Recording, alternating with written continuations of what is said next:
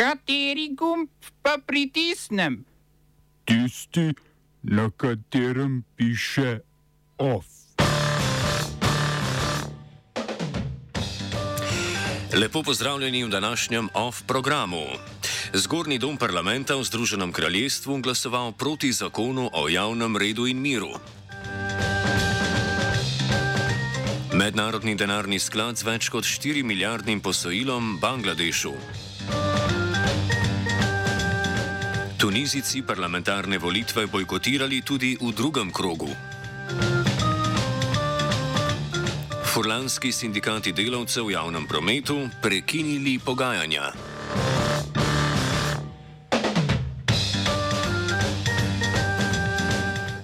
Zgornji dom parlamenta v Združenem kraljestvu je zavrnil dva člena zakona o javnem redu. Z zakonom je torijska vlada želela kljubovati protestniškim skupinam, kot sta Just Stop Oil in Extinction Rebellion, ki sta kot protestne taktike uporabljali blokade cest med prometnimi konicami z izvajanjem protestniških sprevodov po cestah. Med včerajšnjo sejo Lordske zbornice je 12 članov Extinction Rebellion udrlo v parlament in tako začasno prekinilo razpravo.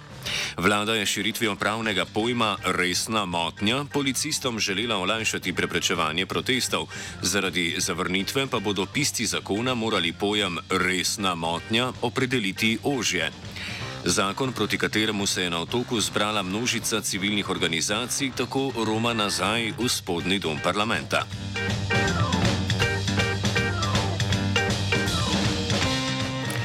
V Tuniziji je potekal drugi krok parlamentarnih volitev, ki ga je, tako kot prvega, zaznamovala nizka udeležba. Na volišča je to, tokrat prišlo okoli 11 odstotkov volilnih upravičencev, kar je 2 odstotka več kot v prvem krogu. Rezultati še niso znani. V prvem krogu so največ glasov dobili kandidati iz stranke, ki jo vodi predsednik Kajs Sayed. K bojkotu volitev so pozivale opozicijske stranke. Sayed je leta 2021 razpustil vlado in parlament parlament ter oblast prevzel sam. Lani je na referendumu dosegel sprejetje nove ustave, ki jemlje pooblastila parlamentu in sodiščem ter jih daje predsedniku. Volitve so potekale prvič po spremembi ustave in po sprejetju novega volilnega zakona, ki prepoveduje kandidatne liste političnih strank. Na volitvah so tako lahko ljudje kandidirali zgolj kot posamezniki.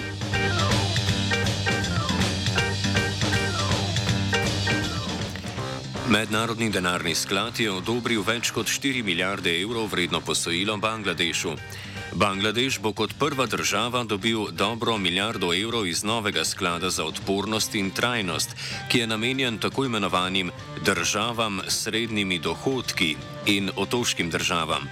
Celotno posojilo bo izvršeno v 42 mesecih. Po utemeljitvi denarnega sklada je namen celotnega posojila ohranjanje makroekonomske stabilnosti, zaščita najranljivejših in spodbujanje vključujočega zelenega razvoja.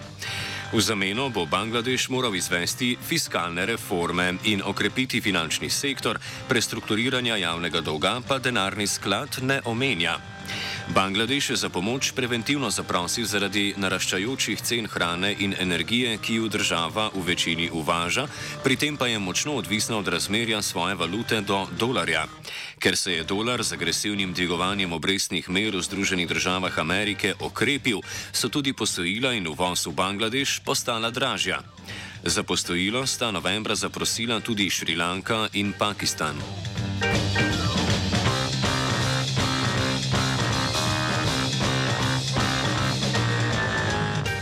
V Bolgariji sta se stranki Državljani za evropski razvoj Bolgarije in Gibanje za pravice in svobodo pridružili euroskeptičnima strankama Bolgarski vzpon in oživitev ter blokirali sprejetje sprememb zakonika o zavarovanju. Spremembe tega zakonika Evropska unija razume kot ključen korak na poti k uvedbi evra v Bolgariji.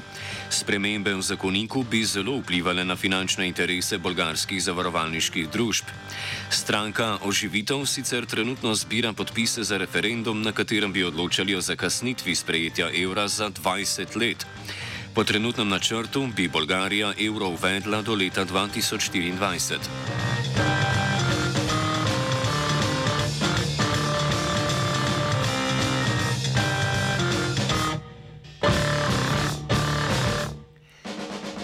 Po štirih mesecih pogajanj je Federacija Bosne in Hercegovine skoraj dobila novo vlado v rekordnem roku za federacijske razmere. Zapletlo se je v koaliciji, tako imenovani Osmerki, ki se je po besedah podpredsednika največje koalicijske socialdemokratske stranke Bosne in Hercegovine, Vojna Mijatoviča, skrčila v sedmerko. S tem je želel povedati, da stranke za nove generacije ne želi več v koaliciji. Razlog za to je nezadovoljstvo socialnih demokratov z izkupičkom funkcionarskih sedežev. Trenutno poteka sestanek, na katerem naj bi določili usodo koalicije. Potem pa, tako Mijatovič, sestavljanje vlade pod hitno.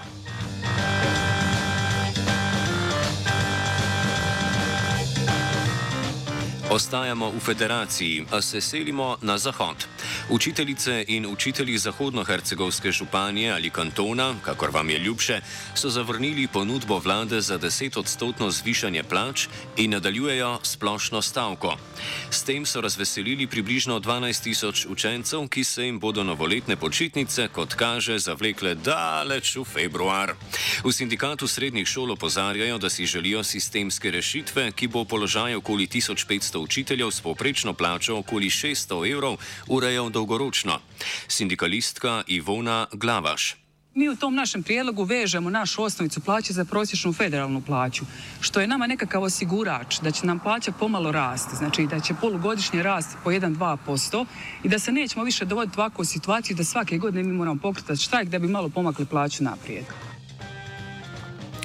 Rešitev za učiteljsko vprašanje Zahodne Hercegovine mora ponuditi Županijsko ministrstvo za finance, a ministrica za šolstvo in znanost Ružica Mikolič je dejala, da tudi v vladi ne vedo točno, kako se vprašanja lotiti.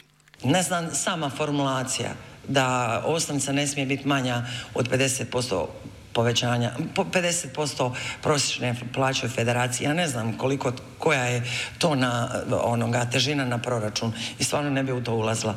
Ali ja stojim i dalje uz onu svoju priču od prvog dana da su plaće male svima, a njima posebno.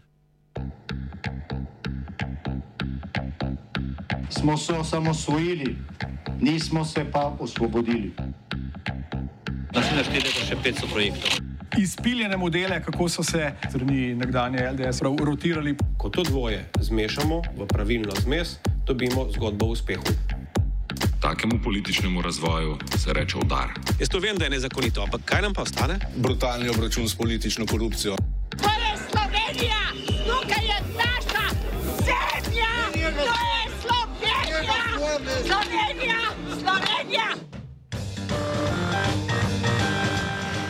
Ker delovski boj ne pozna mej nacionalne države, gremo v slovenskem bloku malo k sosedom.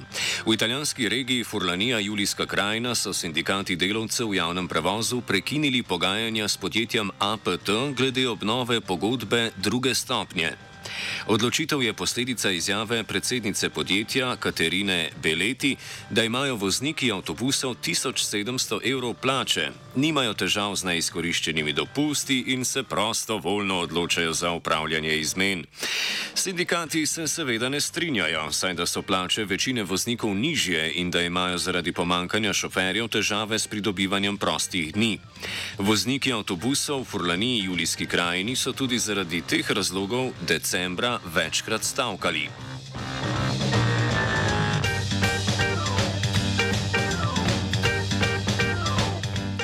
Iz slovenske iridente v republiko. Vlada je na včerajšnji dopisni seji sprejela predlog zakona o začasnem dodatku sodnikov in državnih toživcev. Od 1. januarja do uveljavitve reforme plačnega sistema v javnem sektorju bodo tako prejemali mesečni dodatek v višini 600 evrov bruto, tudi najdlje do konca tega leta. Višina dodatka bo izplačana vsem upravičencem enako, ne glede na funkcijo ali osnovno plačo.